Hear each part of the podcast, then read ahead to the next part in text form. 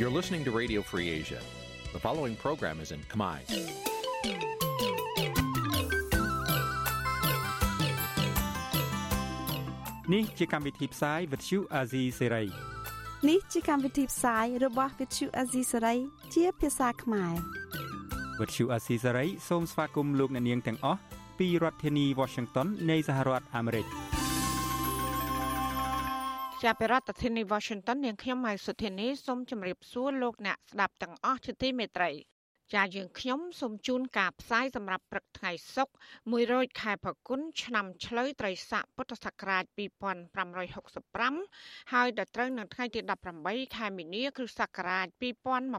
2022ជាដំបូងនេះសូមអញ្ជើញលោកអ្នកនាងកញ្ញាស្ដាប់ព័ត៌មានប្រចាំថ្ងៃដែលមានមេត្តាដូចតទៅ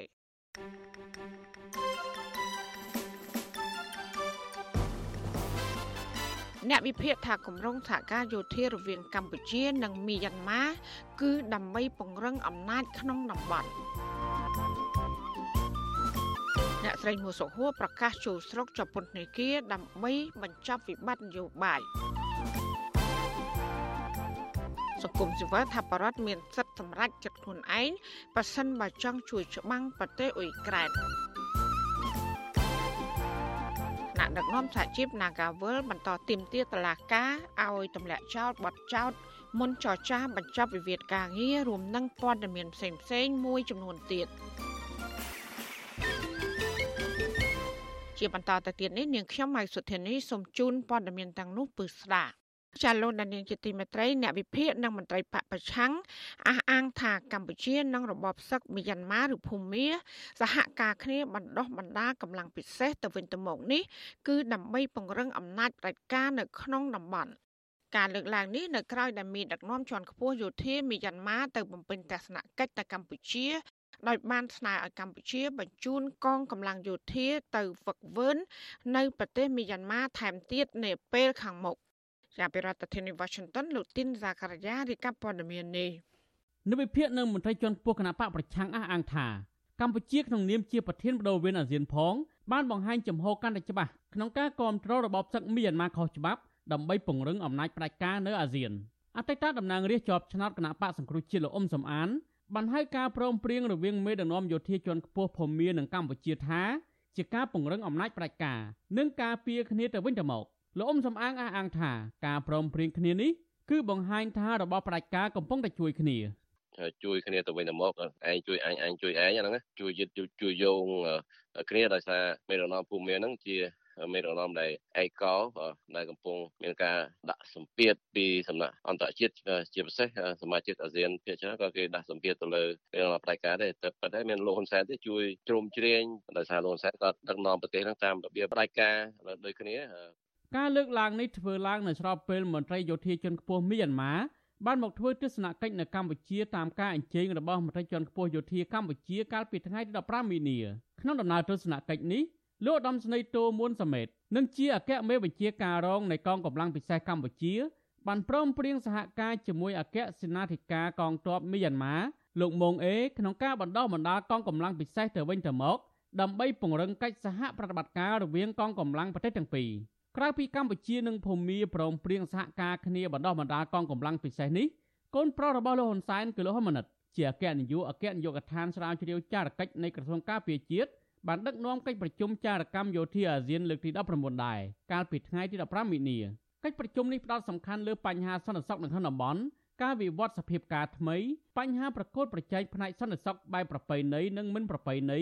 ជាពិសេសបញ្ហាភេរវកម្មនិងបញ្ហាជំងឺ Covid-19 ជាដើមក្រុមប្រទេសលោកសេរីនិងប្រទេសនៅតំបន់អាស៊ានផងមិនទទួលស្គាល់របបសឹកមីយ៉ាន់ម៉ាឬភូមាដែលដឹកនាំដោយលោកមីនអងឡែននោះឡើយមកទល់ពេលនេះរបបសឹកបានសម្លាប់ប្រជាពលរដ្ឋរបស់ខ្លួនជិត2000នាក់និងចាប់មនុស្សជាង10000នាក់ផ្សេងទៀតដាក់ពន្ធនាគារប្រធានសភាអាស៊ានលោកឆាលសិនទីយ៉ាហ្គោនិងជាសមាជិកសភាម៉ាឡេស៊ីកាលពីថ្ងៃទី16មីនាបានរិះគន់លោកនាយករដ្ឋមន្ត្រីហ៊ុនសែនដែលជាប្រធានបដូវវេនអាស៊ាននោះថា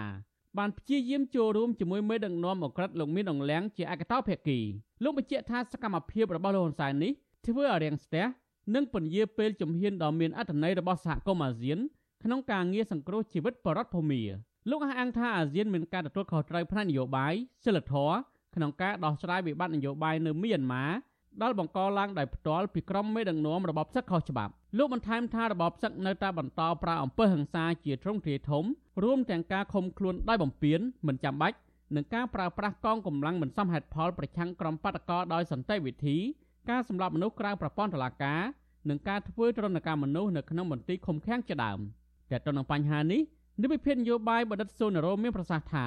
ស្របពេលអន្តរជាតិកំពុងតែតកល់ទោសនិងមិនទទួលស្គាល់របបសឹកផងនោះកម្ពុជាមិនត្រូវសហការណាមួយជាមួយរបបខុសច្បាប់នេះទេ លោកបញ្ជាក់ថាកម្ពុជាក្នុងនាមជាប្រធានបដូវវេនអាស៊ានផង កំពុងតែធ្វើឲ្យអាស៊ានអាប់អោនមុខមាត់នៅលើឆាកអន្តរជាតិ កម្ពុជាដែលខំប្រឹងប្រែងធ្វើនេះវាមិនខុសពីពួករុស្ស៊ីទេតែកន្លងមកគឺពួករុស្ស៊ីក៏ធ្លាប់អញ្ជើញមីងអងលៀងទៅទស្សនកិច្ចក្នុងនាមជាមេដឹកនាំយោធាដើម្បីរកវិធីធ្វើឲ្យរបបនេះបានទទួលស្គាល់ជាលក្ខណៈអន្តរជាតិក៏ប៉ុន្តែវាជាការបរាជ័យឥឡូវនេះបែរជាកម្ពុជាក៏ដើរតាមចំណងផ្លូវរបៀបហ្នឹងគឺធ្វើឲ្យកម្ពុជាអាចមានការអាប់អោនកិត្តិយសក្នុងនាមជាប្រធានអាស៊ានប៉ុនប៉ងធ្វើឲ្យរបបខុសច្បាប់ទៅជាស្របច្បាប់នៅប្រទេសពវាគឺទង្វើមួយដែលមិនត្រឹមតែធ្វើឲ្យខុសប្រធានមតិជាតិអន្តរជាតិទេវាខុសទាំងឆន្ទៈប្រជាពលរដ្ឋអាស៊ានដែលមិនចង់ឃើញថាកិច្ចការរបស់អាស៊ាននេះសម្រេចដោយមិនមានឯកច្ឆន្ទនេះ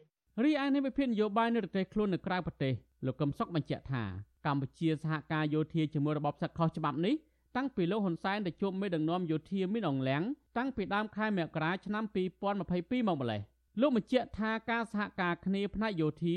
រវាងប្រទេសទាំងពីរនេះគឺជាការពង្រឹងអំណាចរបបខុសច្បាប់ភូមានិងពង្រឹងអំណាចផ្ដាច់ការត្រកូលហ៊ុនទោះបីជាប្រទេសអាស៊ាននានាមិនទទួលស្គាល់រដ្ឋាភិបាលយោធារដ្ឋប្រហារមីនអ៊ុងលៀងក៏ដោយ ក៏លោកហ៊ុនសែនមិនដែលបង្ហាញជំហរថាក្រមមីនអ៊ុងលៀងនោះជារដ្ឋាភិបាលខុសច្បាប់ម្ដងណាទេរហូតមកដល់ពេលនេះរហូតទៅដល់ក្រមលោកហ៊ុនសែនចុះកិច្ចព្រមព្រៀងបណ្ដុះបណ្ដាលកម្លាំងពិសេសហ៊ុនសែនមីនអ៊ុងលៀងទៅទៀតមេដឹកនាំយោធាកម្ពុជាសហការបណ្ដុះបណ្ដាលកងកម្លាំងពិសេសជាមួយភូមានេះនៅស្របពេលការិយាល័យឧត្តមស្នងការអង្គការសហប្រជាជាតិទទួលបន្ទុកផ្នែកសិទ្ធិមនុស្សបានដាក់របាយការណ៍ជូនក្រុមរក្សាសន្តិសុខសិទ្ធិមនុស្សនៅទីក្រុងសឺណែវប្រទេសស្វីសកាលពីថ្ងៃទី15មីនា បានរកឃើញថាក្រុមមេដឹកនាំយោធាមីយ៉ាន់ម៉ាបានសម្លាប់និងរំលោភសិទ្ធិមនុស្សជាប្រព័ន្ធហើយកំពុងតែរីករាលដាលឥតឈប់ឈរសកម្មភាពទាំងនោះមួយចំនួនស្មើនឹងអក្រិតកម្មសង្គ្រាម និងអក្រិតកម្មប្រឆាំងមនុស្សជាតិក្រុមនៃវិភាគលើកឡើងថារដ្ឋាភិបាលលហ៊ុនសែននឹងធ្វើឲ្យសហគមន៍ប្រជាជាតិអាស៊ីអាគ្នេយ៍ឬអាស៊ានបែកបាក់គ្នាកាន់តែខ្លាំងដោយសារតែការសហការយោធាជាមួយមីយ៉ាន់ម៉ានេះពួកគេលើកឡើងថារដ្ឋាភិបាលកម្ពុជាធ្វើដូច្នេះដើម្បីបំពេញបំណងចិន ពីព្រោះថាចិនកំពុងតែពង្រីកអធិបតេយ្យរបស់ខ្លួននៅក្នុងតំបន់ខ្ញុំធីនសាការីយ៉ាអស៊ីសេរីប្រធានីវ៉ាស៊ីនតោន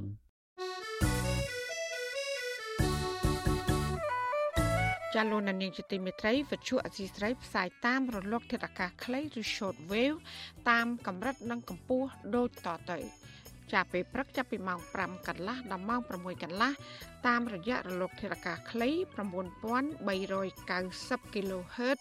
ស្មើនឹងកម្ពស់ 32m និង11850 kHz ស្មើនឹងកម្ពស់ 25m ចាសម្រាប់ពេលយប់ចាប់ពីម៉ោង7កន្លះដល់ម៉ោង8កន្លះគឺតាមរយៈរលកធាតុអាកាសខ្លី9390 kHz ស្មើនឹងកម្ពស់ 32m និង15155 kHz ស្មើនឹងកម្ពស់ 20m ចាសសូមអរគុណ លោកណានៀងជាទីមេត្រីមេដឹកនាំគណៈបកសង្គ្រោះជាតិចាត់ទុកសារក្រមតឡាកាថាគ្រាន់តែជាឧបករណ៍របស់អ្នកនយោបាយបកកាន់អំណាច ដើម្បីប្រើប្រាស់ការពារអំណាចបកពួកខ្លួននិងធ្វើបាបប្រជាប្រដ្ឋស្លូតត្រង់ប្រតិកម្មនេះធ្វើឡើងនៅបន្ទាប់ពីតឡាកាក្រុងភ្នំពេញកាលពីថ្ងៃទី17ខែមីនាម្សិលមិញបានកាត់ទោសមេដឹកនាំគណៈបកសង្គ្រោះជាតិ ចំនួន7នាក់មានលោកសំរងស៊ីលោកអេងឆៃអៀង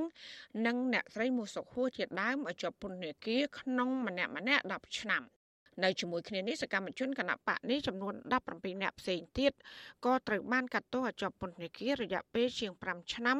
ក្នុងបទចោទតាក់ទងនឹងដំណើរវិលត្រឡប់ទៅកម្ពុជាវិញរបស់លោកសំរងស៊ីនិងការបង្កើតចលនាសង្គ្រោះជាតិ អ្នកច្បាប់ថាការកាត់ក្តីមនុស្សទាំងវង និងបែបឡាប់ឡាយរបស់តឡាការដើម្បីបំបិតសម្លេងប្រឆាំងបែបនេះឆ្លោះបញ្ចាំងថារបបដឹកនាំបច្ចុប្បន្នកំពុងរំលោភសិទ្ធិពលរដ្ឋនិងរំលាយប្រជាធិបតេយ្យដែលនាំឲ្យមានការដកហូតប្រព័ន្ធអនុគ្រោះពន្ធពីសហភាពអឺរ៉ុបមិនមែនជាការទទួលខុសត្រូវរបស់មេដឹកនាំឬក៏សកម្មជនគណបកប្រឆាំងនោះឡើយជាប្រធានាធិបតី Washington អ្នកត្រីសុជីវីរាយការណ៍ព័ត៌មាននេះ មេដឹកនាំគណៈបកសង្គ្រោះជាតិដែលត្រូវតុលាការក្រុងភ្នំពេញកាត់ឲ្យជាប់ពន្ធនាគារ10ឆ្នាំក្នុងសំណុំរឿងញុះញង់និងរួមគំនិតក្បត់ ថាពួកគេមិនចាប់អារម្មណ៍ឬភ្ញាក់ផ្អើលអ្វីឡើយ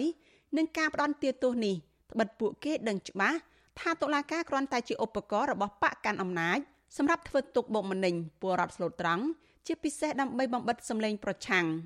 លោកអេងឆៃអៀងអនុប្រធានគណៈបកសង្គ្រោះជាតិប្រាប់វិទ្យុអាស៊ីសេរី កាលពីយប់ថ្ងៃទី17ខែមិនិនាថាការកាត់សេចក្តីនេះបង្ហាញថាចៅក្រម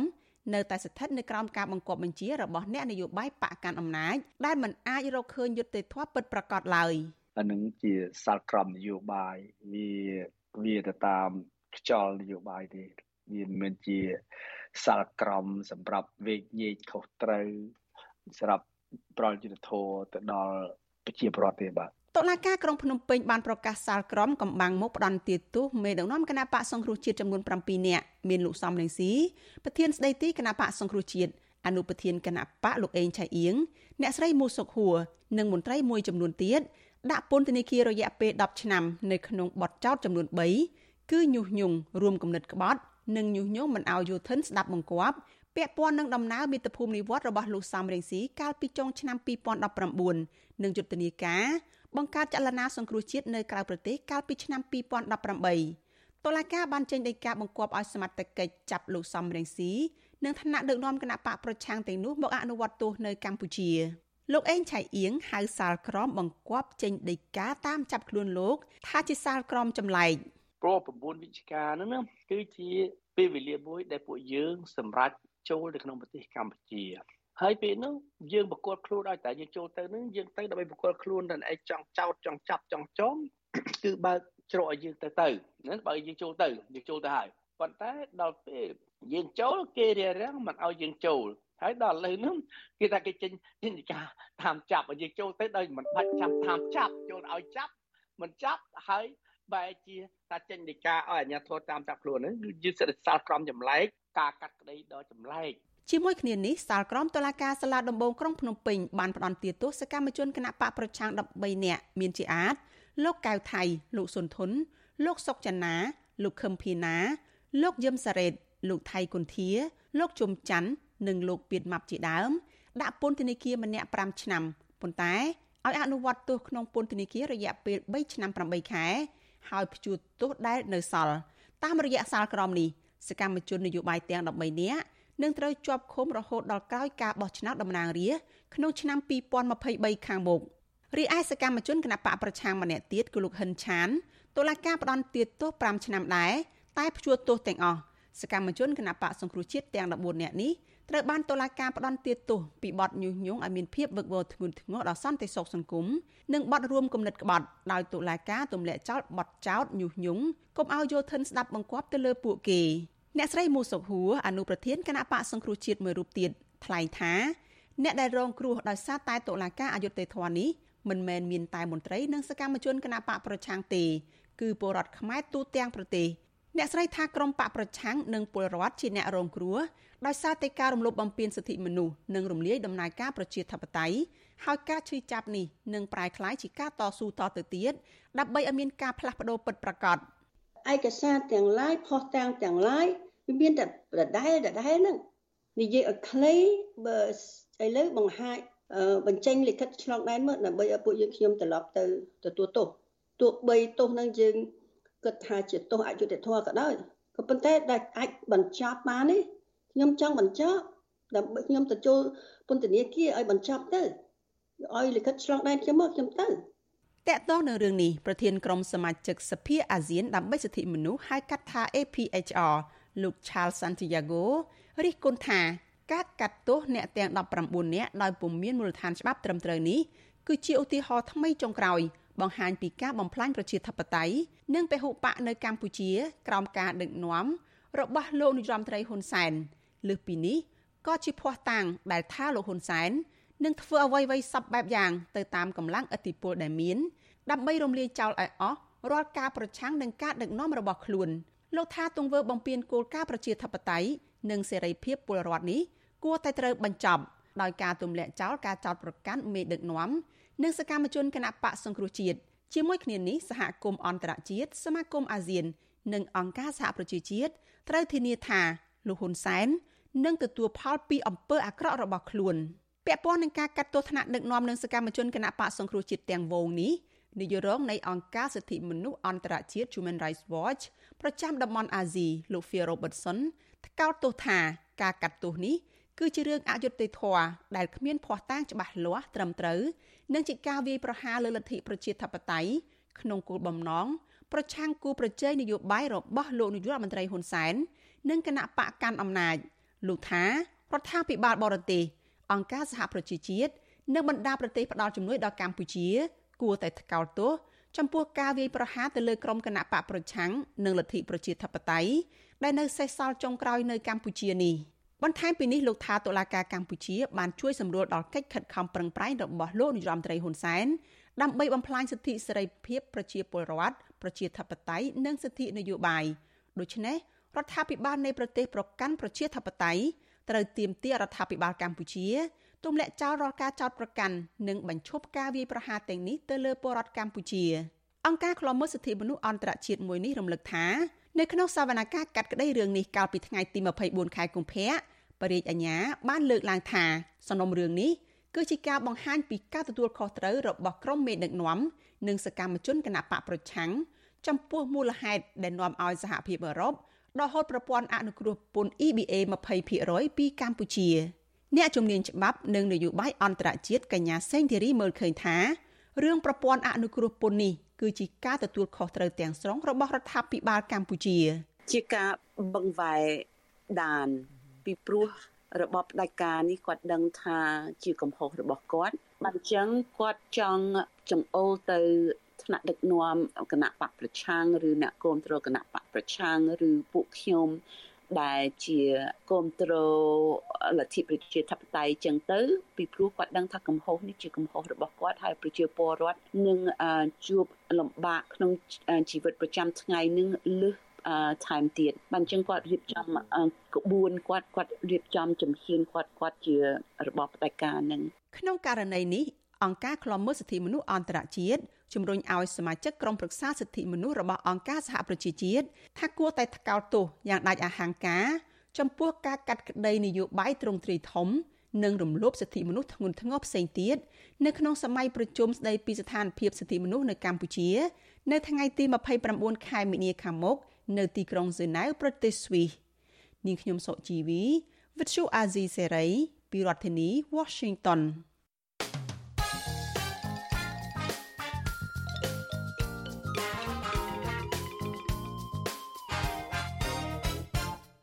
ចាលោកនានីជាទីមេត្រីអាញាធរពន្ធនាគាររាជធានីភ្នំពេញបានសម្រេចដល់លែងឲ្យកម្មករ Nagavel 3នាក់ឲ្យនៅក្រៅឃុំបណ្ដោះអាសន្នកាលពីល្ងាចថ្ងៃទី17ខែមីនាបន្ទាប់ពីពួកគាត់បានដាក់លិខិតស្នើជួយអន្តរាគមន៍ទៅកាន់ក្រសួងពាក់ព័ន្ធក្រុមគឧតកោនិងប្រធានសហជីពក្រុមហ៊ុន Nagavel នៅតែបញ្ជាក់ចំហថាពួកគេនឹងនៅតែបន្តទៀមទារកដំណោះស្រាយ ហើយថាមិនចូលតុចរចាដរាបណាតឡាកាមិនទម្លាក់ចោលការចោតប្រកាន់ចាលោកមានរិទ្ធមានសេចក្តីរាយការណ៍ជុំវិញព័ត៌មាននេះ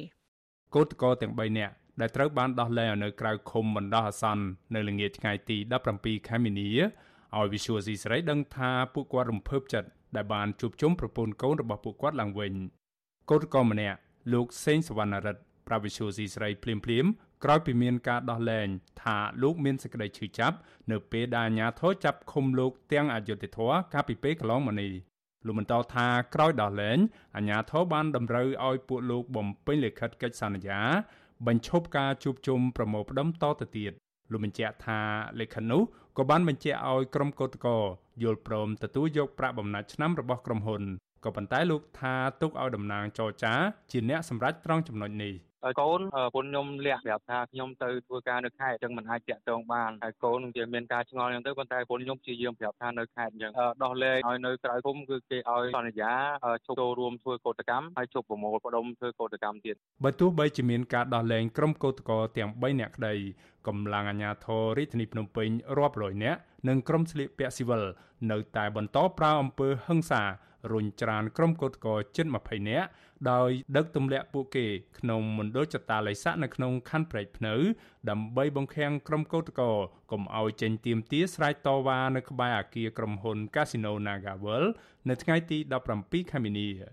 កោតក្រម្នាក់នឹងជាបុគ្គលិកក្រុមហ៊ុន Casino NagaWorld លោកស្រីសុខាឲ្យវិសុយស៊ីស្រីដឹងថាកម្លាំងអាជ្ញាធរដែលបានព្យាយាមមកបង្ក្រាបកោតក្រដែលគ្រាន់តែទាមទារឆ្នាំងបាយកាលពីពេលកន្លងមកនេះ ហាអនុវត្តផ្ទុយពីទូនីតិច្បាប់និងគ្មានវិជាជីវៈជាមន្ត្រីក្នុងក្របខ័ណ្ឌរដ្ឋនោះឡើយលោកស្រីរិះគន់នឹងចាត់ទុកការបង្ក្រាបដោយប្រាវអំពើហិង្សា របស់អាជ្ញាធរមកលើក្រុមកោតក្រដែលភ ieck ច្រើនជាស្ត្រីបែបនេះថាជាទង្វើអមនុស្សធម៌និងជាអ្នកដើរតួនាទីកាងអំណាចឲ្យភាគីក្រុមហ៊ុនធ្វើបាបពលរដ្ឋស្លូតត្រង់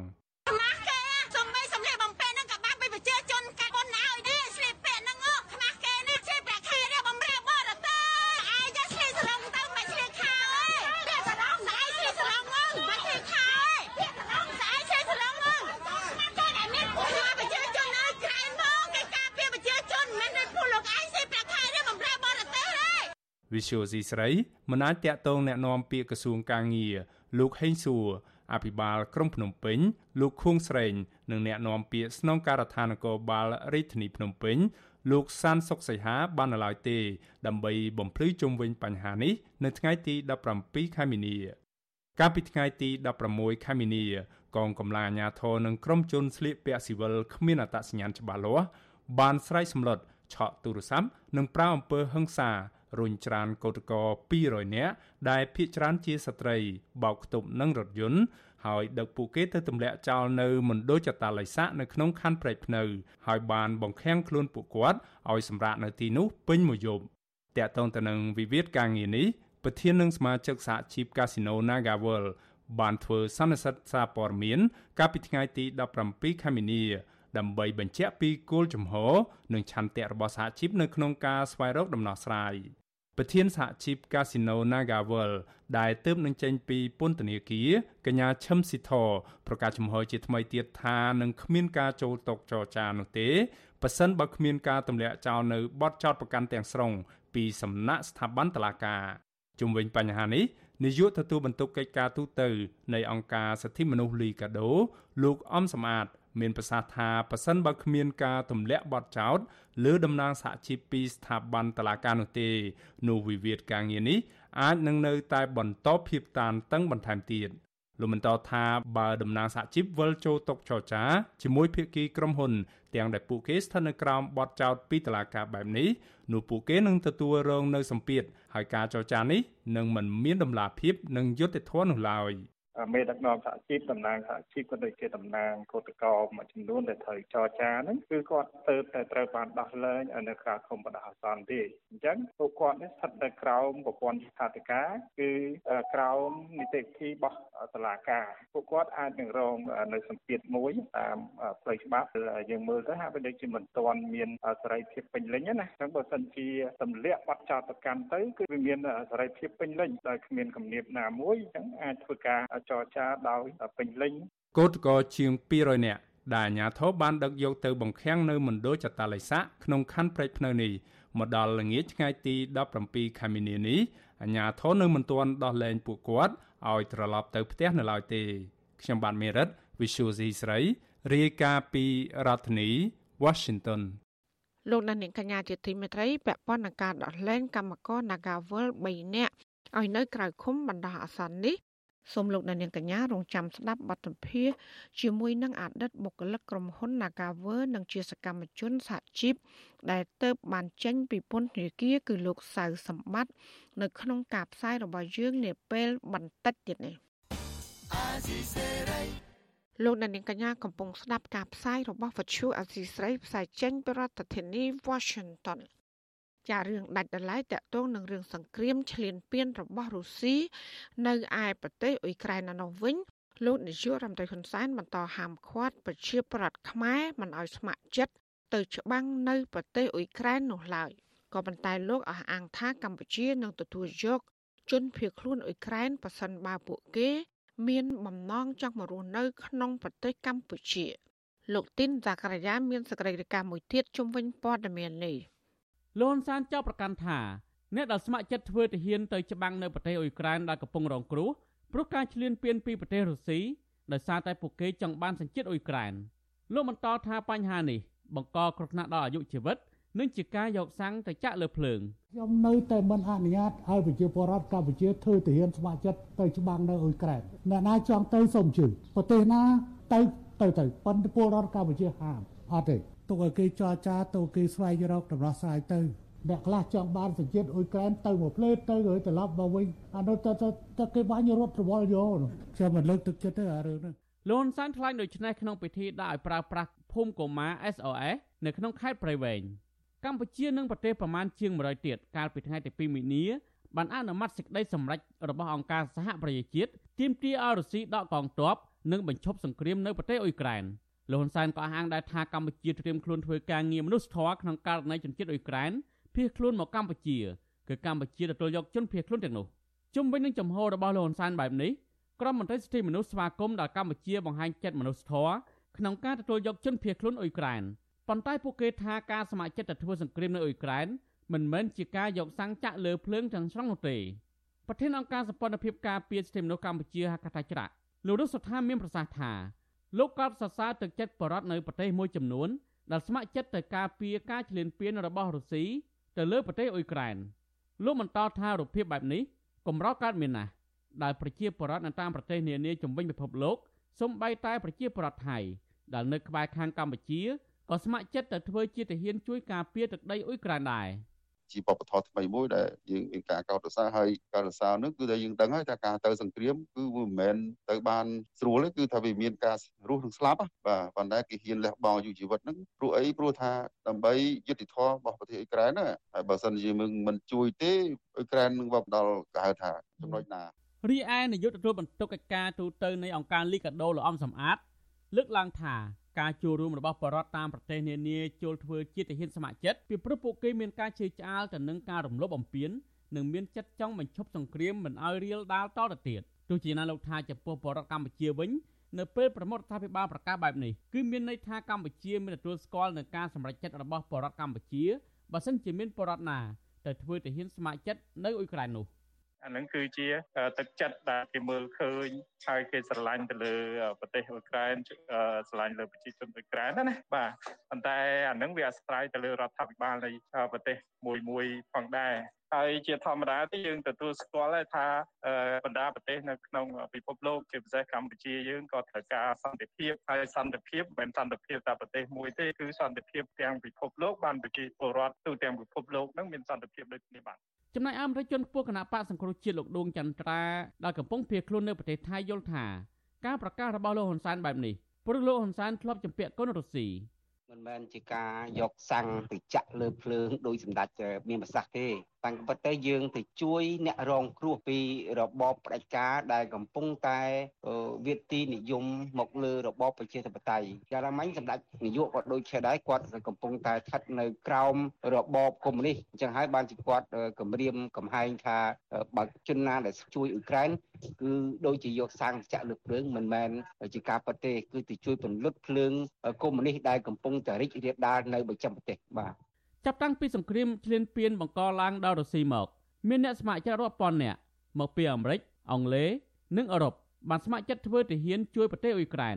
ទោះបីជារដ្ឋាភិបាលរបស់ពួកគេមិនលើកទឹកចិត្តឲ្យទៅក៏ដោយចោះកម្ពុជាមានទំនាក់ទំនងជិតស្និទ្ធជាមួយប្រទេសរុស្ស៊ីតាំងពីសម័យសង្គ្រាមត្រជាក់មកម្ល៉េះដែលពេលនោះរុស្ស៊ីនៅជាសហភាពសូវៀតនៅឡើយសហភាពសូវៀតនេះហើយដែលជាអ្នកនៅពីក្រោយចាំជួយឧបត្ថម្ភសង្គ្រាមឈ្លានពានរបស់វៀតណាមមកលើកម្ពុជា ដើម្បីផ្ដួលរំលំរបបខ្មែរក្រហមដែលមានចិននៅពីក្រោយកម្ពុជានិងវៀតណាមកាលនោះគឺជាកូនអង្គរបស់សហភាពសូវៀតប្រទេសរុស្ស៊ីបានបើកការវាយប្រហារនិងការឈ្លានពានទៅលើប្រទេសអ៊ុយក្រែនកាលពីថ្ងៃទី24កុម្ភៈមកអង្គការសហប្រជាជាតិនិងមេដឹកនាំនៃប្រទេសលោកខាងលិចបានហៅការឈ្លានពាននេះថាជាអំពើខុសខើនឹងបានសម្រេចដាក់ទណ្ឌកម្មសេដ្ឋកិច្ចនិងបានជួយផ្ដល់អាវុធឲ្យទៅប្រទេសអ៊ុយក្រែនជាបន្តបន្ទាប់ខ្ញុំធីនសាការីយ៉ាអសិលសេរីប្រធានីវ៉ាស៊ីនតោន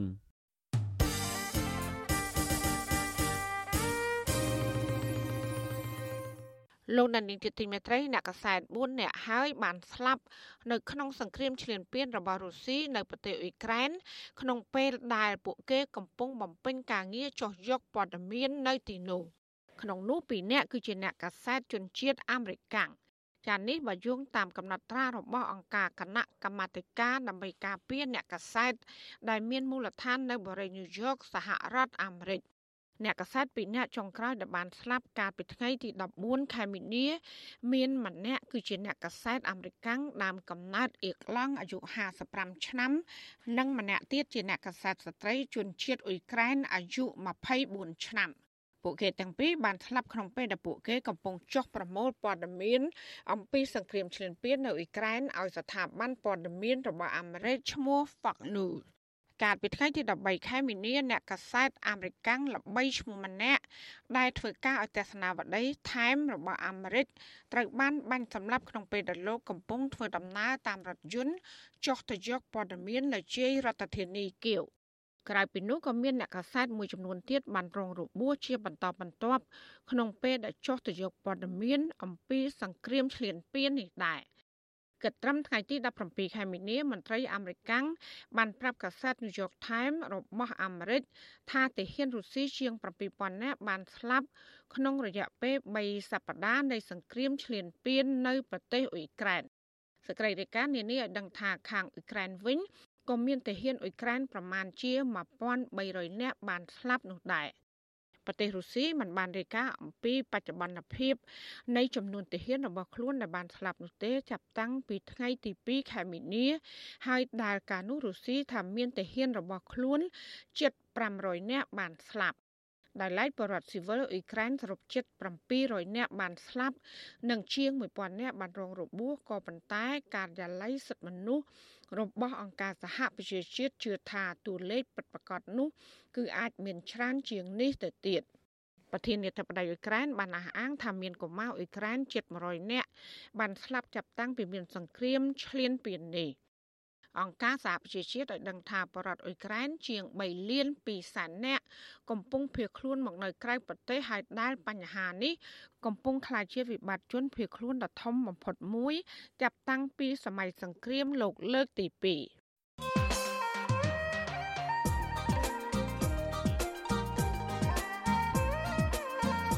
លោកនាងជាទីមេត្រីលោកនាយករដ្ឋមន្ត្រីហ៊ុនសែនមិនគ្រាន់តែស្ថិតនៅក្នុងចំណោមមេដឹកនាំម្នាក់ដែលបានក្រាញអំណាចយូរជាងគេ ក្នុងពិភពលោកប៉ុណ្ណោះទេ លោកក៏ជាប្រមុខដឹកនាំរដ្ឋាភិបាល ដែលលេចធ្លោនៅក្នុងពិភពលោកមួយរូបដែរដែលចូលចិត្តយកវេទិកាសាធារណៈប្រើភាសាអសុរោះជេរប្រមាថមនុស្សមិនរើសមុខ មិនរើសភេទរាប់តាំងពីអ្នកនយោបាយអ្នកវិភាគអ្នកកសែតស្ត្រីភេទអ្នករត់ម៉ូតូឌុបជាដើមចានៅពេលខ្លះលោកលើកយករឿងប្រពន្ធកូនអ្នកដតីមកនិយាយដោយមិនខ្វល់ពីការប៉ះពាល់ដល់កិត្តិយសនៃបុគ្គលឯកជនទៀតផងការប្រកាន់អិរិយាបថបែបនេះរបស់លោកហ៊ុនសែនត្រូវបានគេវាតម្លៃថាបានប៉ះពាល់យ៉ាងខ្លាំងដល់សិលធម៌និងសុជីវធម៌នៅក្នុងសង្គម សូមលោកអ្នកនាងកញ្ញារងចាំស្ដាប់និងចូលរួមនៅក្នុងនេតិវេទិកាអ្នកស្ដាប់វັດជុអសីស្រី ដែលនឹងជជែកពីបញ្ហានេះនៅរាត្រីថ្ងៃសុក្រនេះកំបីអាខាន ហើយដែលសម្រាប់សម្រួលដល់លោកជុនច័ន្ទបុត្រវាគ្មិនទៅចូលរួមនៅក្នុងកិច្ចពិភាក្សានេះគឺបដិជគុណបុត្របន្ទិញស្ថាបនិកបណ្ដាញប្រសង់ឯករាជ្យដើម្បីយុទ្ធធម៌សង្គម និងអ្នកត្រីសិនច័ន្ទពៅរោសិតអតីតមេឃុំជាប់ឆ្នោតឃុំអូចានៃគណៈបកសង្គ្រោះជាតិលោកអ្នកនាងអាចសាកសួរវាគ្មិនរបស់យើងឬក៏បញ្ចេញមតិយោបល់សូមលោកអ្នកនាងដាក់លេខទូរស័ព្ទរបស់លោកអ្នកនាងនៅក្នុងខ្ទង់ comment Facebook ឬ YouTube របស់អសីសេរីដែលកំពុងផ្សាយផ្ទាល់នៅពេលនេះក្រុមការងាររបស់យើងនឹងហៅទៅលោកអ្នកនាងវិញចាសសូមអរគុណ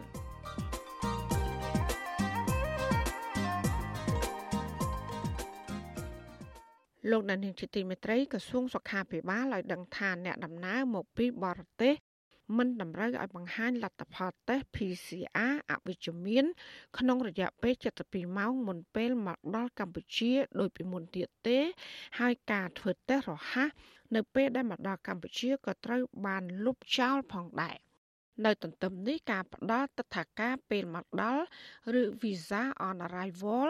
ក៏ត្រូវបើកដំណើរការឡើងវិញសម្រាប់អ្នកដំណើរអន្តរជាតិទាំងអស់ចាប់តាំងពីថ្ងៃទី17ខែមីនានេះតទៅ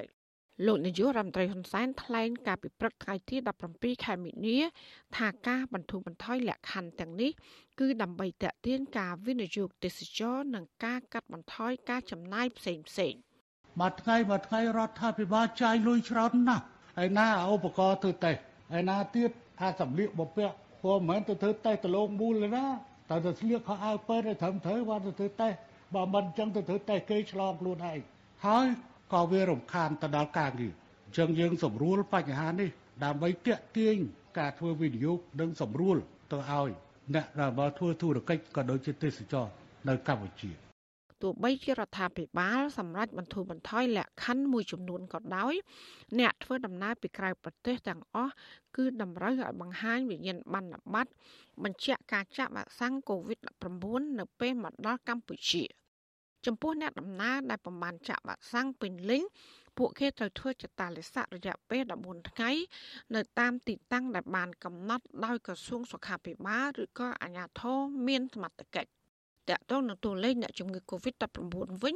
ក្រសួងសុខាភិបាលរកឃើញករណីឆ្លងថ្មីជាង100នាក់បន្ថែមទៀតក្នុងនោះភាគច្រើនគឺជាករណីចម្លងនៅក្នុងសហគមន៍គិតត្រឹមព្រឹកថ្ងៃទី17ខែមីនាកម្ពុជាមានអ្នកកើតជំងឺ Covid-19 សរុបជាង130,000នាក់ក្នុងនោះអ្នកជាសះស្បើយមានប្រមាណ130,000នាក់និងចំណែកអ្នកស្លាប់វិញគឺមានចំនួន3049នាក់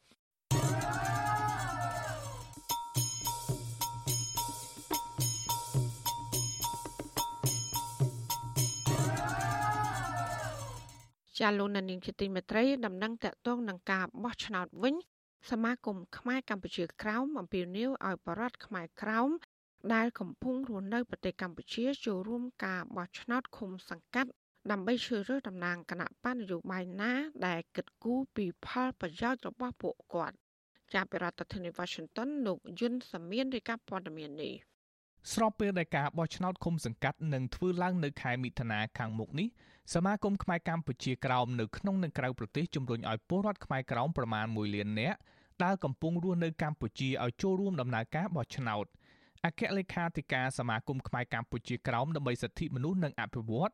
លោកសឿនជុំជួនប្រាប់វិទ្យុអស៊ីសេរីកាលពីថ្ងៃទី12មីនាថាខ្មែរក្រោមអាចជ្រើសរើសតំណាងរបស់ពួកគេតាមរយៈការបោះឆ្នោត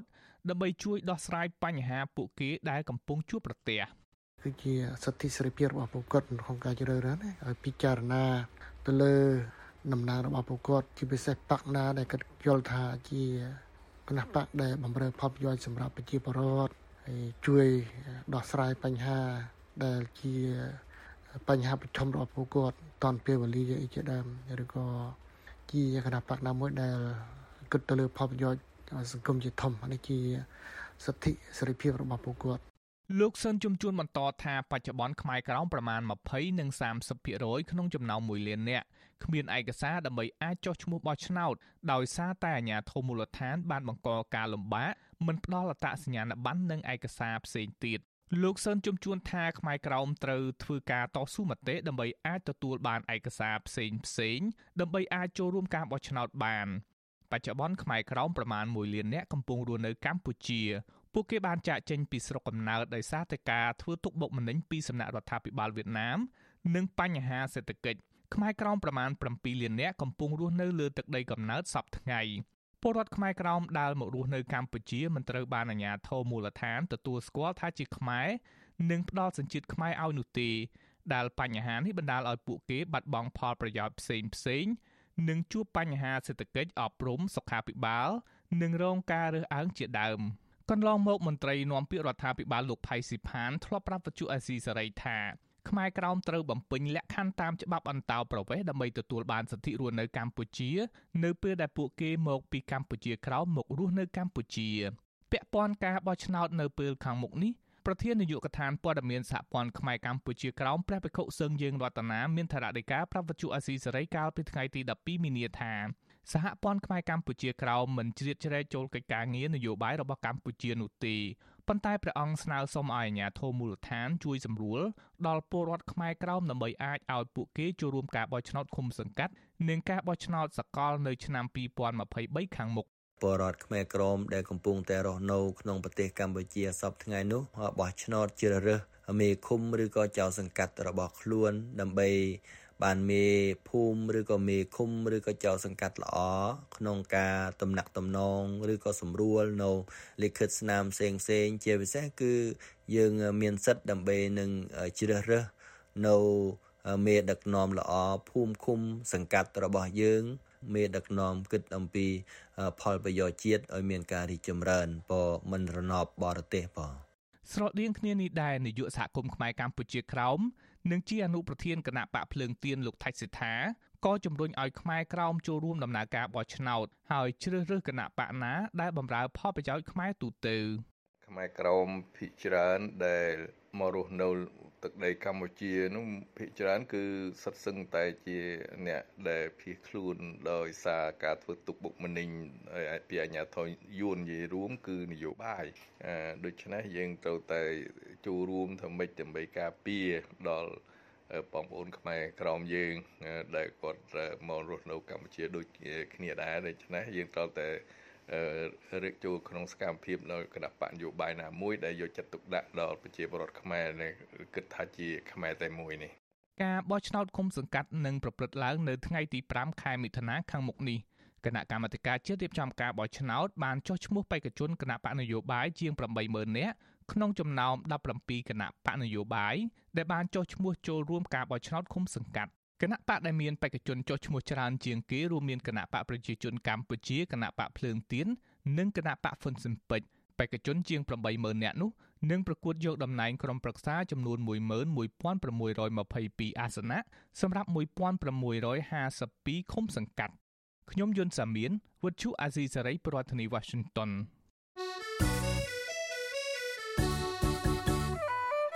ចាលោកនាងជាទីមេត្រីវិទ្យុអសីស្រីផ្សាយតាមរលកធាតុអាកាសខ្លីឬ short wave តាមកម្រិតនិងកម្ពស់ដូចតទៅចាប់ពេលព្រឹកចាប់ពីម៉ោង5កន្លះដល់ម៉ោង6កន្លះតាមរយៈរលកធាតុអាកាសខ្លី9390 kHz ស្មើនឹងកម្ពស់ 32m និង11850 kHz ស្មើនឹងកម្ពស់ 25m ចាសម្រាប់ពេលយប់ចាប់ពីម៉ោង7កន្លះដល់ម៉ោង8កន្លះគឺតាមរយៈរលកថេកាខ្លី9390 kHz ស្មើនឹងកម្ពស់ 32m និង15155 kHz ស្មើនឹងកម្ពស់ 20m ចាសសូមអរគុណ លោកអ្នកស្ដាប់ទីមេត្រី វងដំរីព្រៃ8ក្បាលត្រូវបានក្រមមន្ត្រីបរិស្ថាននិងអង្គការអភិរក្សសត្វព្រៃប្រទះឃើញនៅក្នុងដែនជម្រកសត្វព្រៃស្រែពកកាលពីថ្ងៃទី16ខែមីនា អ្នកនាំពាក្យក្រសួងបរិស្ថានលោកនេតភត្រាបានបង្ហោះសារក្នុងទំព័រ Facebook ថាការរកឃើញនេះគឺជាសកម្មភាពតាមដានសិក្សាហើយដែលជាផ្នែកមួយនៃកម្មវិធីស្រាវជ្រាវសត្វដំរីអាស៊ីនៃគម្រោងកម្ប៉ាស់ដឹកនាំរបស់ក្រសួងបរិស្ថាន ហើយផ្ដល់ថវិកាបន្ថែមពីអង្គការមូលនិធិសកលសម្រាប់ការអភិរក្សធម្មជាតិទីប្រឹក្សាបណ្ដាញជនជាតិដើមភាគតិចភ្នំខេត្តមនោគិរី លោកគ្រឿងដុល្លារភ្នាក់ផ្អើលដែលដែនចម្រុកសត្វព្រៃស្រែពក មានវត្តមានវងដំរីព្រៃទាំងនេះហើយដែលពុំធ្លាប់ឃើញមានពីមុនមកលោកចាត់ទុកថាការបន្លាស់ទីរបស់វងដំរីព្រៃទាំងនេះឆ្លុះបញ្ចាំងពីការវិនិច្ឆ័យហិនហោចនៃធនធានធម្មជាតិដែលទាមទាររដ្ឋាភិបាលត្រូវទប់ស្កាត់ការបំផ្លាញព្រៃឈើឲ្យមានប្រសិទ្ធភាព និងការអនុវត្តច្បាប់ឲ្យបានគ្រប់ជ្រុងជ្រោយ កែសម្បាននឹងភ្នំព្រិចកាមុនណាមានតែពីរនឹងទេមានដំរីដល់ពេលឥឡូវហ្នឹងវាធ្លាយដល់ស្រែពកអញ្ចឹងវាវាជាសញ្ញាមួយបង្ហាញសត្វព្រៃឈើហ្នឹងត្រូវបានបាត់បង់មហន្តរាយយ៉ាងខ្លាំងជាសញ្ញាដល់បន្ទាត់ក្រហមសម្រាប់ព្រៃឈើនៅមណ្ឌលគិរីបងខ្ញុំគិតថាគួរតែ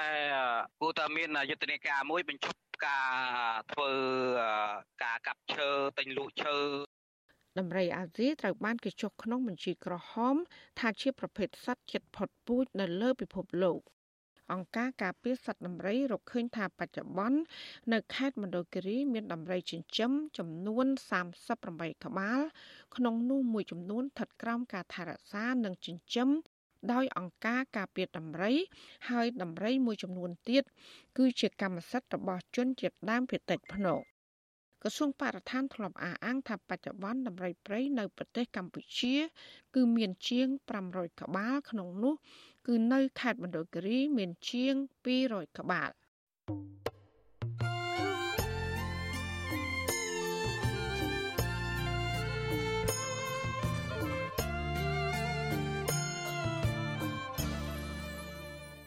លោកណានីងជាទីមេត្រីនៅឯខេត្តតឹងត្រែងនៅនោះវិញប្រជាប្រដ្ឋជាង100គ្រួសារបន្តទៀមទាឲ្យអាជ្ញាធរខេត្តនេះចាត់វិធានការច្បាប់លើក្រុមឈ្មួញដែលបានកាប់រៀននិងឈូសឆាយដីព្រៃសាធារណៈរបស់រដ្ឋអស់រាប់ពាន់ហិកតានៅរយៈពេលជិត1ឆ្នាំចុងក្រោយនេះអ្នកភូមិថាពួកគាត់បានកំណត់អត្តសញ្ញាណមេខ្លោងរួចហើយនិងបានស្នើអាជ្ញាធរខេត្តចាត់វិធានការតាមច្បាប់ ចា៎នេះគឺជាសកម្មភាពរបស់លោកលេងម៉ាលីជំវិញព័ត៌មាននេះពលរដ្ឋ6នាក់តំណាងឲ្យពលរដ្ឋ132គ្រួសាររស់នៅភូមិក្របីជ្រុំឃុំក្បាលរមៀសស្រុកសេសានព្រួយបារម្ភពីវិនិស្សកម្មព្រៃឈើធំធេងស្ថិតនៅគៀកភូមិកំណើតរបស់ពួកគាត់ក្រុមពលរដ្ឋទាំងនោះបានផ្តិតមេដាយប្តឹងសុំកិច្ចអន្តរាគមន៍ពីអាជ្ញាធរខេត្តស្ទឹងត្រែងកាលពីចុងឆ្នាំ2021ទាក់ទិនករណីក្រុមជនល្មើសសម្រុកកាប់ទន្ទ្រានដីព្រៃនៅចំណុចភ្នំដី ត្រពាំងត្រែងទួលច្រែនិងអូស្នែងក្របីស្ថិតក្នុងភូមិក្របីជ្រុំឃុំក្បាលរមាសអស់ជាង3000ហិកតាដោយគ្មានការទប់ស្កាត់នៅឡើយទេចាប់តាំងពីពាក់កណ្ដាលឆ្នាំ2021រហូតមកដល់ពេលនេះតំណាងពលរដ្ឋលោកកឹមដែនប្រាប់វិទ្យុអស៊ីសេរីនៅថ្ងៃទី17មីនាថាអ្នកភូមិបានកំណត់អត្តសញ្ញាណមនុស្ស2នាក់ជាមេខ្លោងបញ្ជាកម្លាំងកម្មករជាច្រើនអ្នកប្រើរណាយន្តកាប់ទន្ទ្រានដីព្រៃឲ្យคล้ายជាវាលរហោឋាន ប៉ុន្តែនៅតែគ្មានចំណាត់ការច្បាប់ពីអាជ្ញាធរជំនាញនៅឡើយទេលោកថាមេខ្លោងកាត់ទន្ទ្រានឈ្មោះអានឌីគង់ហ៊ានអតីតជាមន្ត្រីយោធាបានបញ្ជាឲ្យបរិសឈ្មោះលីប៉ាវជាពលរដ្ឋនៅមូលដ្ឋានចេញមុខកាប់ទន្ទ្រាននិងឈូសឆាយដីព្រៃអស់រាប់ពាន់ហិកតាលោកបន្ថែមថាបំណងរួមរបស់អ្នកភូមិចង់ឲ្យអាជ្ញាធរដកហូតដីព្រៃទាំងអស់ជាសម្បត្តិរដ្ឋនិងចាប់ខ្លួនអ្នកពាក់ព័ន្ធមកដន្ទាទោសតាមច្បាប់ ចង់ថាក្រុមមួយចំនួននៅទៅធ្វើលបងហុំព័ទ្ធហើយក្រុមមួយទៀតគឺនៅតែមានម៉ាស៊ីនត្រង់សនើនៅតែបលំស្កាប់ស្កាដដែលគឺយើងនិយាយថាត្រួសត្រាសណា3000ហិកតាជាងតំណាងពលរដ្ឋម្នាក់ទៀតគឺលោកគុនីថ្លែងថាដីព្រៃដែលក្រុមឈ្មួញសម្រុកកាប់ទន្ទ្រានជាកន្លែងអាស្រ័យផលព្រៃឈើរបស់អ្នកភូមិរាប់រយគ្រួសារជាយូរមកហើយ លោកថាដីព្រៃនៅតំបន់នោះនៅសល់ព្រៃរបោះនិងព្រៃរនាមប្រមាណ5000ហិកតាដោយមានសត្វព្រៃជាច្រើនប្រភេទរស់នៅ ដូចជាអណ្ដើកឆ្លុះខ្ទីងស្វានិងជ្រូកព្រៃជាដើមលើពីនេះអ្នកភូមិធ្លាប់ស្នើឲ្យអាជ្ញាធរការពារព្រៃទាំងនោះជាតំបន់អភិរក្សដើម្បីផ្ដល់លទ្ធភាពឲ្យពួកគាត់ខ្វៀលគោក្របី និងរកអនុផលព្រៃឈើជាដើមប៉ុន្តែបែរជាទទួលរងការបំផ្លិចបំផ្លាញហិនហោចទ្រង់ទ្រាយធំបែបនេះទៅវិញ ប៉ះពាល់ដល់សត្វដែលរស់នៅក្នុងព្រៃហ្នឹងហើយបងជាទីជម្រករបស់សត្វមានឆ្លុះមានមានតពោមានសរសៃមានអីមានសាច់សត្វគោក្របីយើងហើយជាវាវាទៅរស់ស៊ីម្ដុំហ្នឹងបងឆ្លើយតបរឿងនេះលោកលីប៉ាវដែលពលរដ្ឋបានប្តឹងចោតប្រកាន់បានផ្ដាច់ទូរស័ព្ទនៅពេលវិទ្យុអស៊ីសេរីសួរនាំអំពីបញ្ហានេះចំណែកអតីតមន្ត្រីយោធាលោកអានឌីគង់ហ៊ានបដិសេធការចោទប្រកាន់នេះដោយលោកចាត់ទុកថាជារឿងមិនពិត លោកបញ្ជាក់ថាលោកមិនជាប់ពាក់ព័ន្ធកັບរៀនដីព្រៃទាំងនេះទេ ហើយលោកថាការចោទប្រកាន់នេះអាចជារឿងគំនុំទម្លាប់ខ្ញុំខ្ញុំអត់ដែរទៅលវីលវល់អារឿងដីចំការដីស្រែអីទេខ្ញុំអត់ដែរមានទេហ្នឹងណាពាក់ព័ន្ធវិស័យកសិកម្មគឺខ្ញុំមានដូចជាចំគោចំអីអាហ្នឹងខ្ញុំមាន រឿងគេចោតប្រកាន់គេចោតមិនចោតទៅព្រោះអីគេមានសិទ្ធិនិយាយជាសាធារណៈបានប៉ុន្តែគ្រាន់តែរឿងដែលវាពិតឬមិនពិតវាអាស្រ័យទៅលើយើងតាមដានមើលវាពិតឬមិនពិតអញ្ចឹងណារីឯអ្នកនាំពាក្យសាលាខេត្តស្ទឹងត្រែងលោកម៉ែនគង់បកស្រាយថាអាជ្ញាធរជំនាញបានចាត់វិធានការដោះស្រាយរឿងនេះម្ដងរួចហើយហើយពលរដ្ឋក៏ទទួលបានព័ត៌មានស្ដីពីការអនុវត្តច្បាប់របស់អាជ្ញាធររួចហើយដែរ លោកបញ្ជាក់ថាប្រសិនបើការកាប់ទន្ទ្រានដីព្រៃខុសច្បាប់នៅតែកើតមានទៀតនោះអភិបាលខេត្តនឹងឲ្យមន្ត្រីជំនាញពាក់ព័ន្ធស្រាវជ្រាវរឿងនេះជាថ្មីទៀតពលររដ្ឋក៏បានទទួលព័ត៌មានអំពីការអនុវត្តគោលការហើយនឹងវិធានការបង្ក្រាបបទល្មើសការកាប់ទន្ទ្រានដីធ្លីនឹងរួចហើយតែសម្រាប់ថ្មីថ្មីនេះពួកខ្ញុំមិនទាន់បានទទួលព័ត៌មានថាមានករណីកាប់លៀនទៅ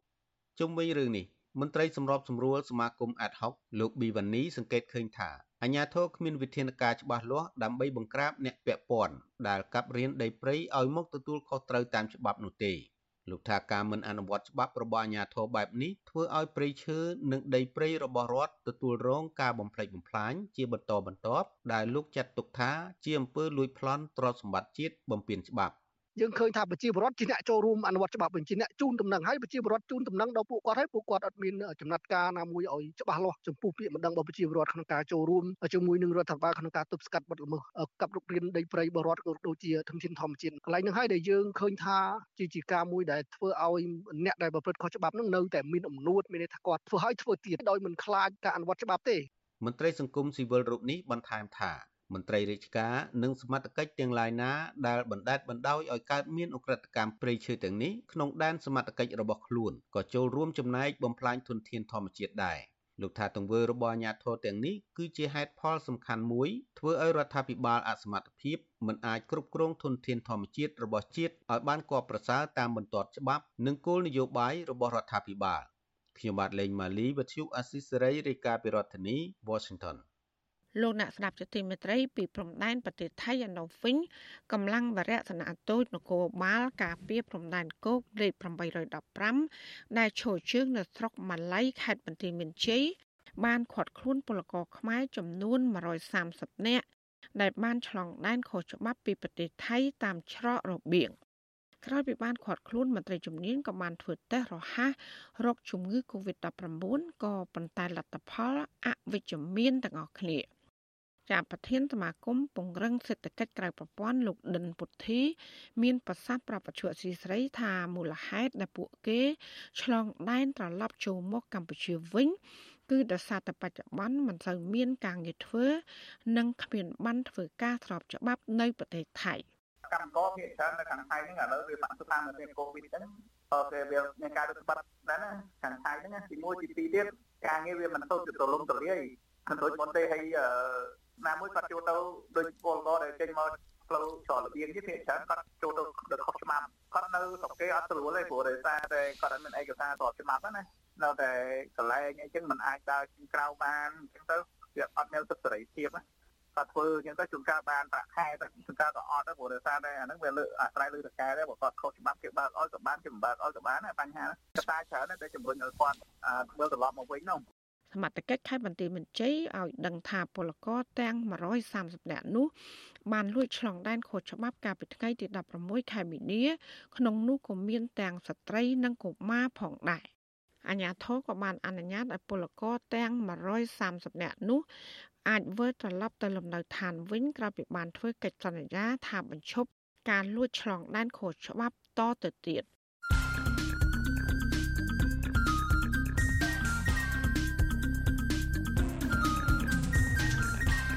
បទសំភារ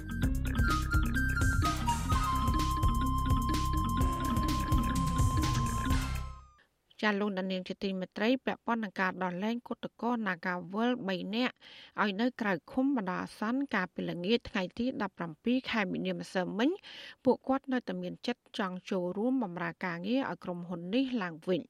បន្ថែមពីនេះពួកគេទាមទារឲ្យតុលាការទម្លាក់ចោលបទចោទប្រកាន់ ទៅលើពួកគេទាំង11នាក់ដើម្បីបញ្ជាក់ពីការចរចាមួយដែលស្មើមុខស្មើមាត់គ្នាជាមួយនឹងភាគីក្រុមហ៊ុន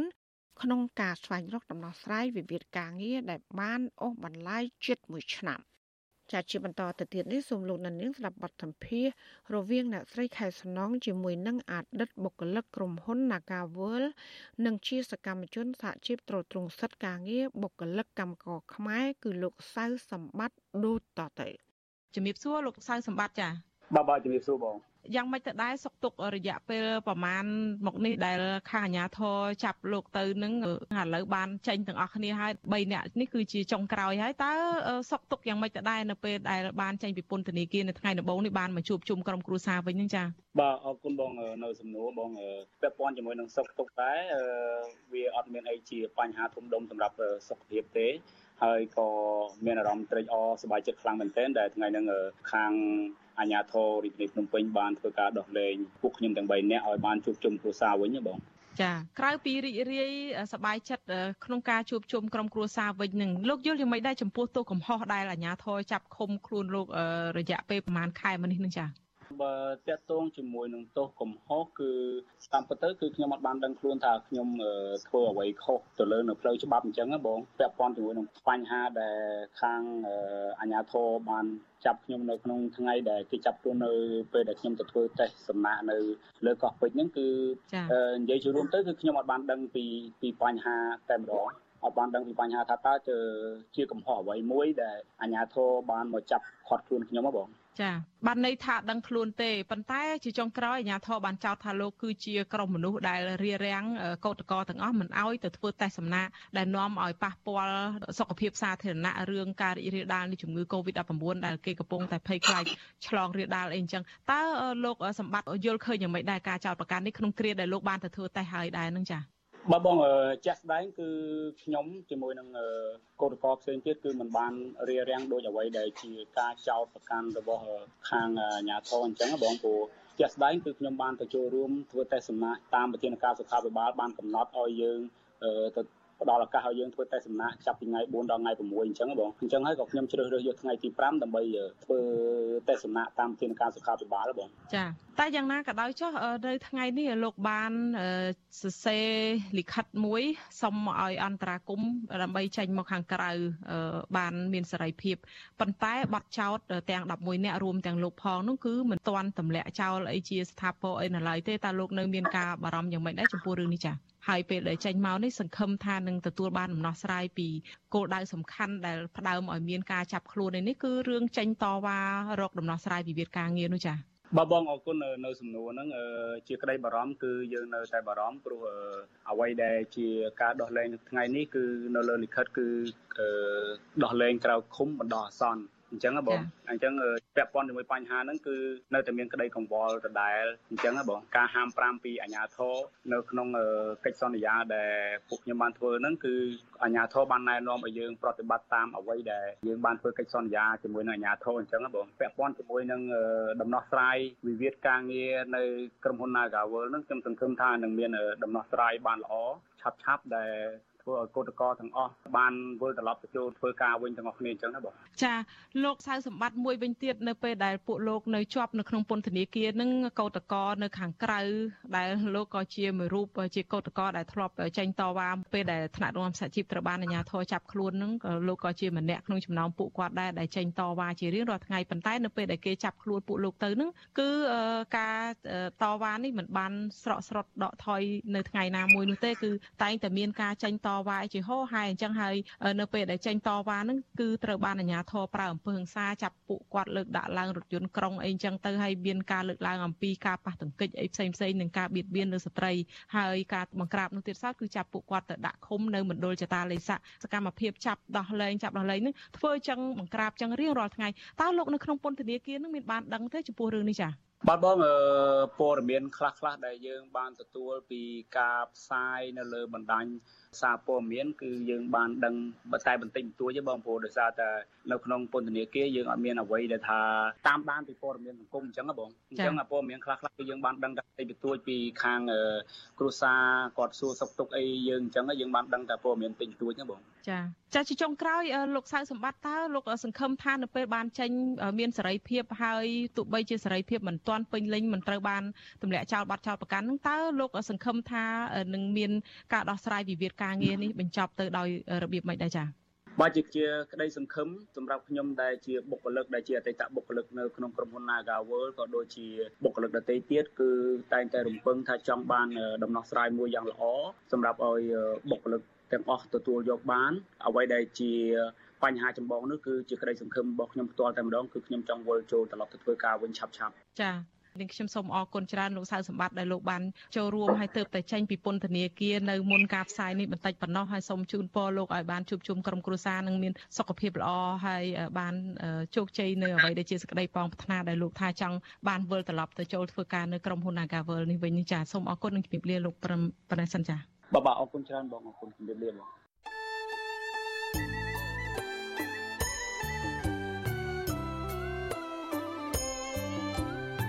ចាលោកនាងកញ្ញាអ្នកស្ដាប់ជទីមេត្រីកັບផ្សាយរយៈពេល1ម៉ោងនៃវិទ្យុអាស៊ីស្រីជាភាសាខ្មែរនៅពេលនេះចាប់តែប៉ុណ្ណេះចាយើងខ្ញុំទាំងអស់គ្នាសូមជូនពរលោកនាងព្រមទាំងក្រុមគូសាទាំងអស់សូមជួបប្រកបតែនឹងសេចក្តីសុខសេចក្តីចម្រើនជានិរន្តរ៍ ចានាងខ្ញុំម៉ៃសុធានីព្រមទាំងក្រុមការងារទាំងអស់នៃវិទ្យុអាស៊ីស្រីសូមអរគុណនិងសូមជម្រាបលា